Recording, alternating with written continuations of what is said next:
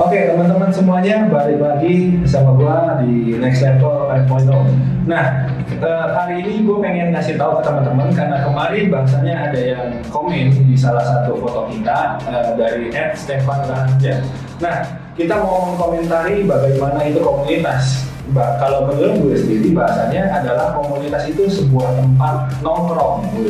Jadi komunitas itu bagi gue adalah sebuah perkumpulan. Bahasanya teman-teman orang-orang yang menjadi satu yang bahasanya adalah uh, mencari suatu jalan tengah bah, uh, mengumpulkan kesamaan hobi atau berdiskusi atau menyatukan perbedaan pendapat yang ada dan tempat kita untuk belajar sama-sama.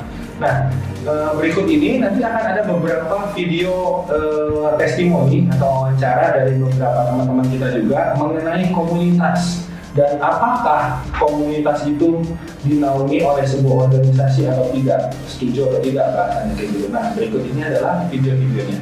Uh, nama saya Niki dari GPI Lloyd nama saya Janata nama gue Jeremy. Pada saat ini gue lagi bekerja di GB Widut nama aku Melen dari BCC Nama saya David Budi Atmaja, saya dari gereja Radiance Community Church.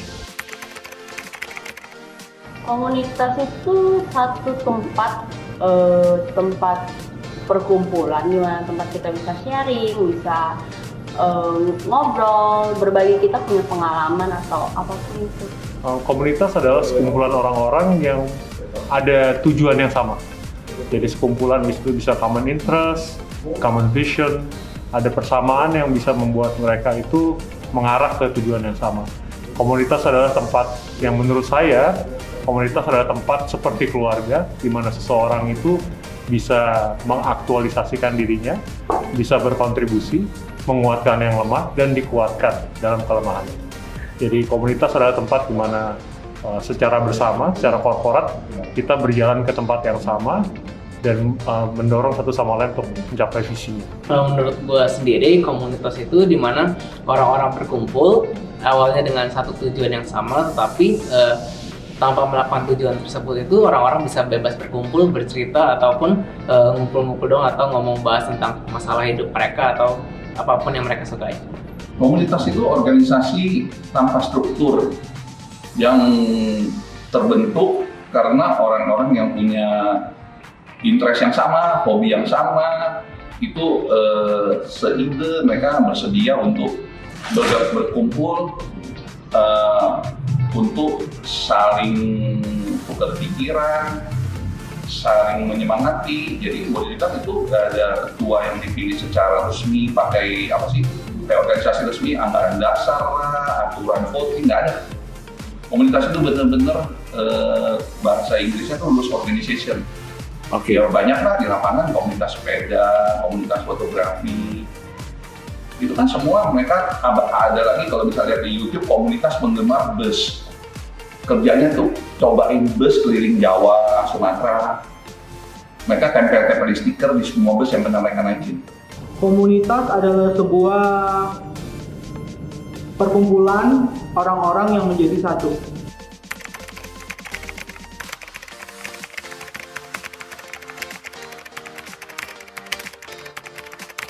Kalau komunitas masuk organisasi itu bukan komunitas lagi dong namanya. Udah jadi uh, organisasi dong, harus minta uh, legalisasi lah dari notaris lah, dari Departemen Dalam Negeri lah. Kalau komunitas mana ada legalisasi, kenapa harus masuk organisasi? Kalau sebenarnya saya nggak ngerti. Kalau semua komunitas harus masuk organisasi mah rusak dong kita yang hidup punya hobi sejenis, ngumpul bareng, terus jadi masalah? Enggak. Kalau organisasi kan satu, nggak semua orang bisa masuk. Kalau komunitas ini kan semua orang bisa masuk dari organisasi mana pun tanpa terkecuali. Karena ini tempat buat kita saling saling bagi, saling membangun, saling support, tempat sebuah wadah lah gitu buat satu hal yang punya visi misi yang sama, punya keinginan yang sama gitu. Berbagi pengetahuan atau apa pun itu. Uh, enggak sih.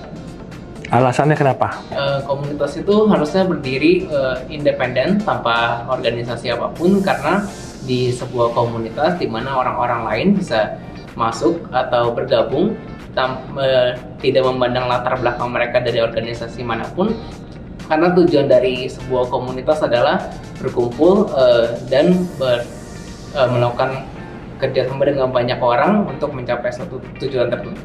Menurut saya komunitas tidak eh, selalu dinaungi organisasi, tapi ada baiknya jika komunitas itu punya eh, mentor atau punya seseorang yang eh, membawahinya, karena bagaimanapun juga eh, sebuah komunitas itu seperti keluarga, ada yang ayahnya, ada ibunya.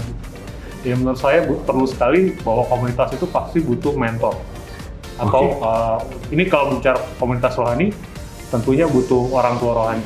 Karena tanpa itu komunitas itu eh, kurang lengkap. Karena gimana pun, terutama kalau komunitasnya anak-anak muda, anak-anak muda itu tetap harus ada seseorang yang bisa memberikan wisdom. Karena anak muda geraknya biasa cepat sekali, tapi kan kalau ada wisdom daripada generasi yang lebih berpengalaman, tentunya mereka bisa belajar dan tidak mengulangkan kesalahan yang sama. Kalau saya sih enggak, Eh, karena kalau di naungin itu enggak semua orang dapat masuk atau dapat akses untuk berkumpul gitu. Kalau di bawah naung naungan gitu, kayaknya cuman satu patokan doang gitu. Jadi semua orang yang berbeda-beda itu nggak bakalan bisa kecampur gitu. Nah, oke teman-teman, itulah videonya. Menurut kalian bagaimana? Apakah itu menjawab pertanyaan dari Stefan atau tidak? Nah, bahasanya kalau gue mau cuma mau bilang kalau kita setiap manusia itu memang bebas berpendapat.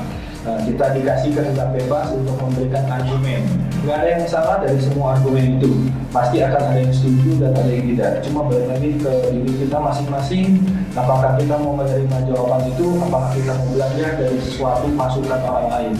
Mungkin itu aja. Sekian untuk video hari ini. Teman-teman jangan lupa follow IG kita, komen di IG kita. Jangan stop bosan-bosan untuk ngasih kita sesuatu hal yang baru untuk kita pelajari. Itu aja, sampai ketemu di video selanjutnya.